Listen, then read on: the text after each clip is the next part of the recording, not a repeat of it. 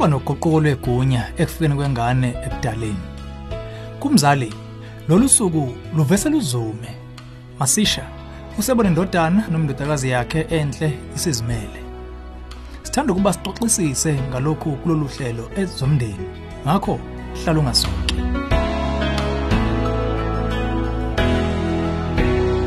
angubingelele ezomndeni uhlelo ukulethela izeluleko eziphathekayo ngaba focus on the family.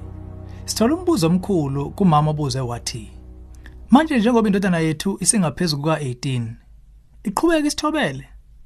iBhayibheli lithi ingane ayilalele futhi sithobela abazali bazo. Kwabasefeso 6 verse 1 nakwabasekolose 3 verse 20 kodwa yena uthi ngoba usemdala lomyalela usaqondile kuyena.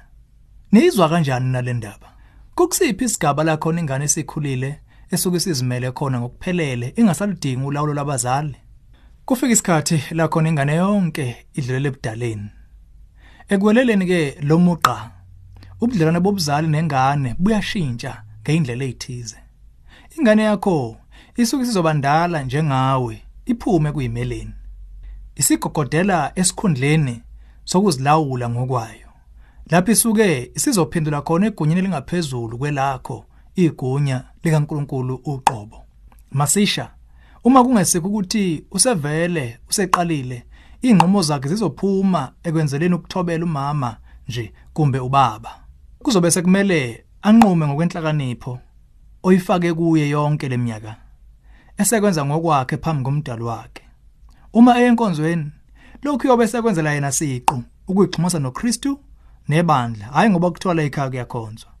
Uma idede idakamizweni nasophuzweni kufuna kwenze ngoba yena siqu eqonda ukuthi umzimba wakhe uyisakhiwo sikamoya engcwele hayi ngoba ethi ujabulisa abazali bakhe. Ngakube pho lokhu kumele kumenze akubukele phansi angakulaleli.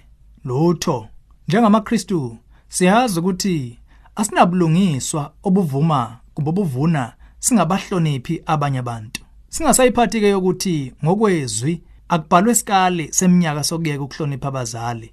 Njengoba uPaul ebhala ecaphuna Exodus 20 verse 12 yaziswa ihlo nonyoko okumyelo oqala onesethembiso ukuze kube kuhle kuwe uphila insuku ezinde emhlabeni kwabasefeso 6 verse 2 ngakolunye futhi uhlangothi sithanda ukufaka engqondweni kuwe ukuthi igama yazisa alinike umzali ilungelo lokuthi konke akushoyo ingane yakhe esikhulile ikwenze. Kungakuhle uhlale kahle nengane yakho nixoxe kahle ngokulindele kuyo. Uma kukuthi sahlala ekhaya kuyasiza ukuba nemininingwane eqondile kosuku kusho kufuna ukwazi ukusho ukuthi njengoba ungena ebudaleni nakho okuguqukayo futhi nakho ongaguquki nokho melana nesilingo sokufuna ukumphatha sisakhuluma ngokumphatha. Kubuye kusengathi leli gama yilo elumgogodlo ombuzo wakho. Lakho nginomzabalazo ngokulawula phakathi kwabazali nezingane eseyikhulile kuvamise kube khona okuningi okucashile okungaba ngenhlonipho nemingcele yomuntu. Bese ngabeka kabanzi uma besinemininingwane ethexexa ngomndeni wakho. Uma kuthi ufisa ukuxoxa kabanzi sikhuthaza uthinta umnyango wethu wezokululekwa efocus on the family. Abaluleki bethu bokuthakasela ukuba seduze nawe ngazo zonke indlela engenzeka bangaphinde futhi bakuxhumanise nabangaba seduze nawe. Shayela ku 031 716 3300 ukuze ukwazi ukuxoxa nomunye wabo. Sikholwa futhi ukuthi kungayinani kuwe ukuyithola incwadi engemingcele ebhalwe nguDr Henry Cloud noDr John Townsend. Bahluba udlu bekhasini ngokugcina imingcele kwesiphila nabo nathi uqobo ungayithenga futhi online ku safamily.co.za kumbe ufone ku 031 716 3300 siyathemba umndeni wakho uzothola ukuvumelana ukuthi kumele ube kuphi umngcene ukuthi imapha amagxathu adingekile ukufinyelela kulelo zinga.